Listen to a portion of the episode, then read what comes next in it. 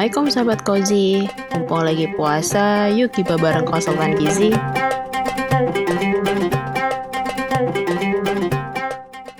Assalamualaikum, hai sahabat Kozi Selamat datang di segmen Gibah. Gizi Berkah bersama konsultan gizi. Gizi Berkah Ramadan Barokah Puasa menjadi ibadah yang paling indah karena dengerin segmen gibah bersama konsultan gizi. Hari ini gibahnya masih bersama Filza. Semoga sahabat Kozi tidak bosan mendengarkan sesi gibah dengan Filza hari ini. Jadi hari ini kita mau gibahin apa ya kira-kira? Kan kemarin kita sempat bahas mitos dan fakta di bulan Ramadan. Nah, sekarang kita akan ngobrolin seputar makanan lagi yang biasanya muncul di menu berbuka. Karena minggu-minggu awal nih, sahabat Kozi, biasanya masih hot untuk membicarakan menu berbuka gitu kan. Hari ini kita akan gibahin si es dawet atau es cendol. Nah lo kok pakai kata atau ya. Jadi gini sahabat Kozi, kalau kita lagi di Jawa Tengah nih atau Jawa Timur, kita biasanya nyebutnya es dawet atau es dawet ayu. Tapi kalau lagi di Jawa Barat, itu nyebutnya es cendol apakah mereka saudara kembar gitu kan nanti kita akan kulik si es dawet dan es cendol ini dari segi bahan ada zat gizinya atau enggak plus boleh nggak sih es ini dikonsumsi sebagai takjil atau makanan pertama saat buka puasa soalnya kan seger banget nih takjilnya kalau pakai es dawet atau es cendol ya kan oke okay. Kalau kita kulik jenis es ini dari bahannya apa aja sih ya? Jadi um, dawet atau cendolnya itu adalah bintang dari es ini gitu kan. Jadi kalau nggak ada dawet atau cendolnya ini namanya bukan es dawet atau es cendol gitu kan. Jadi yang membedakan adalah kalau dawet itu isiannya terbuat dari tepung beras, sahabat kozi. Tapi kalau cendol itu terbuat dari tepung hungkui atau tepung kacang hijau. Nah, jadi makanya tekstur si dawet itu biasanya lebih lunak, sedangkan cendol itu lebih kenyal. Kalau dawet dan cendol sendiri pewarnanya itu menggunakan air daun pandan atau daun suji. Jadi warnanya tuh hijau alami gitu sahabat kozi. Selain si dawet dan cendolnya, bahan utama selanjutnya adalah santan dan gula merah. Jadi kalau tanpa santan ini, es dawet atau es cendol ini kurang sedap kayaknya gitu kan. Nah, begitu juga dengan si gula merah sahabat cozy. Jadi kalau kita lihat nih, kalau disusun gitu kan, ada pertama tuh biasanya gula merahnya taruh di bawah, lalu baru dimasukkan cendolnya, lalu baru si santannya masuk. Jadi kalau di gelas tuh kelihatan banget nih perpaduan warna merah, hijau, dan putih gitu. Jadi uh, udah pasti bisa dibayangkan betapa sangat menggiurkannya si es dawet dan es cendol ini gitu kan. Ups mohon maaf ya sahabat cozy. Harap bersabar dahulu karena buka akan sebentar lagi. Tapi biasanya ada juga beberapa orang yang membuat es cendol dan es dawet ini dengan kreasi mereka. Dengan menambahkan beberapa bahan tambahan. Misalnya ditambah buah atau uh, mutiara yang biasanya ada di bubur madura gitu. Jadi biasanya ada beberapa kreasi es cendol dan es dawet menyesuaikan uh, selera dari yang membuat.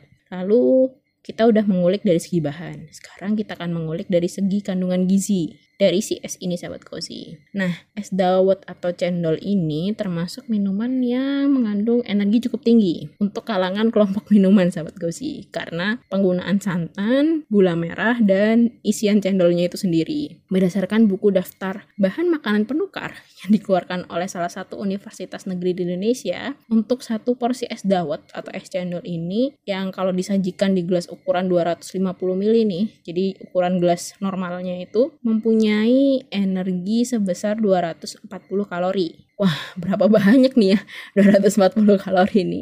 Jadi 240 kalori nih sahabat Gozi setara dengan 13 sendok makan nasi putih. Wow, cukup besar ya energinya untuk kelompok minuman. Kita minum cuma satu gelas tapi sama aja kayak makan 13 sendok makan nasi putih. Hmm, lumayan nih kayaknya. Dan yang paling mengagetkan adalah dalam satu porsi es dawet atau es cendol ini ternyata sudah memenuhi sekitar 50% konsumsi gula kita dalam sehari. Wah, jadi cukup tinggi ternyata. Padahal kan ya itu tadi kita masih akan menanti makanan manis selanjutnya gitu kan sahabat cozy. Lalu, apakah es dawet atau cendol ini cocok untuk jadi takjil atau atau makanan pertama saat berbuka? Hmm, berdasarkan hasil kulik-kulik informasi tadi, ternyata jawabannya masih kurang tepat ternyata sahabat Kozi. Ya, sayang sekali. Kenapa? Kok masih belum tepat gitu kan? tenang, tenang, tenang. Akan Filza jelaskan alasannya. Yang pertama, karena kandungan energi es dawet atau cendol ini cukup tinggi, jadi otomatis akan membuat kita kenyang duluan sebelum kita makan besar sahabat Kozi. Hampir sama nih ceritanya sama kolak di episode sebelum-sebelumnya sahabat Kozi. Jadi kalau sahabat Kozi yang sudah dengerin gibah yang edisi kolak, ini udah mulai nyambung nih alasannya kenapa gitu kan. Jadi waktu untuk makan es dawet atau cendolnya ini bisa digeser dikit setelah makan utama atau setelah sholat sholat tarawih gitu sahabat kozi. Terus apakah ada tips untuk mengolah es dawet atau cendol ini untuk menjadi lebih rendah energinya gitu? Mungkin gitu ya. Jadi seperti biasa kalau dalam segmen mengulik makanan di kala Ramadan Filza akan berbagi tips untuk mengolah makanan tersebut menjadi versi yang lebih dalam tanda kutip sehat gitu ya sahabat kozi. Jadi Filza mau berbagi tips untuk mengolah es dawet atau cendol ini menjadi lebih rendah energinya. Karena memang dari hasil informasi yang kita kulik, ternyata es dawet atau cendol ini termasuk minuman yang cukup tinggi energinya sahabat Kozi. Oke, tanpa berlama-lama dan berpanjang lagi, tips pertama, sahabat Kozi bisa bikin es dawet atau es cendolnya ini dengan santan yang encer. Nah, seperti yang sudah pernah dibahas di episode gibah yang tentang kolak sahabat Kozi. Jadi, kalau sahabat cozy ini meres sendiri santannya, santan encer itu didapat saat perasan kedua. Nah, kalau sahabat cozy pakai santan instan yang cair nih, bisa ditambahkan air dengan rasio santan dan airnya itu satu banding tiga. Jadi santannya satu sendok, airnya 3 sendok gitu. Berlakunya seterusnya mau pakai cangkir, mau pakai gelas dipersilahkan. Tips kedua, sahabat cozy bisa mengganti santannya dengan susu sapi. Karena hasil penelitian sebelumnya, kalau kita mengganti santan dengan susu sapi, ternyata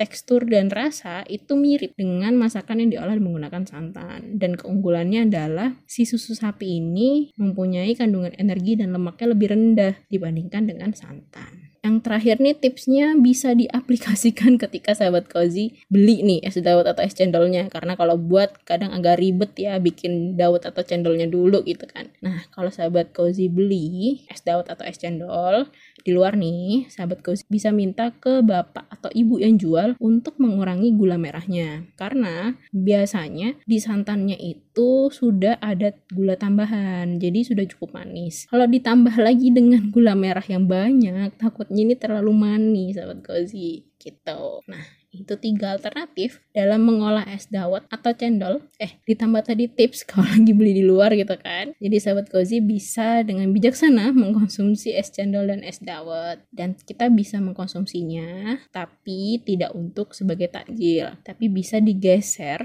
waktu makannya setelah makan besar ya sahabat cozy. Semoga rasa penasaran sahabat cozy sudah terjawab di sesi gibah ini. Kalau begitu, saya Filza mau undur diri dulu ya. Sampai jumpa di gibah berikutnya kita akan gibah tiap hari selama bulan Ramadan. Salam jiwa anti mitos dan hoax.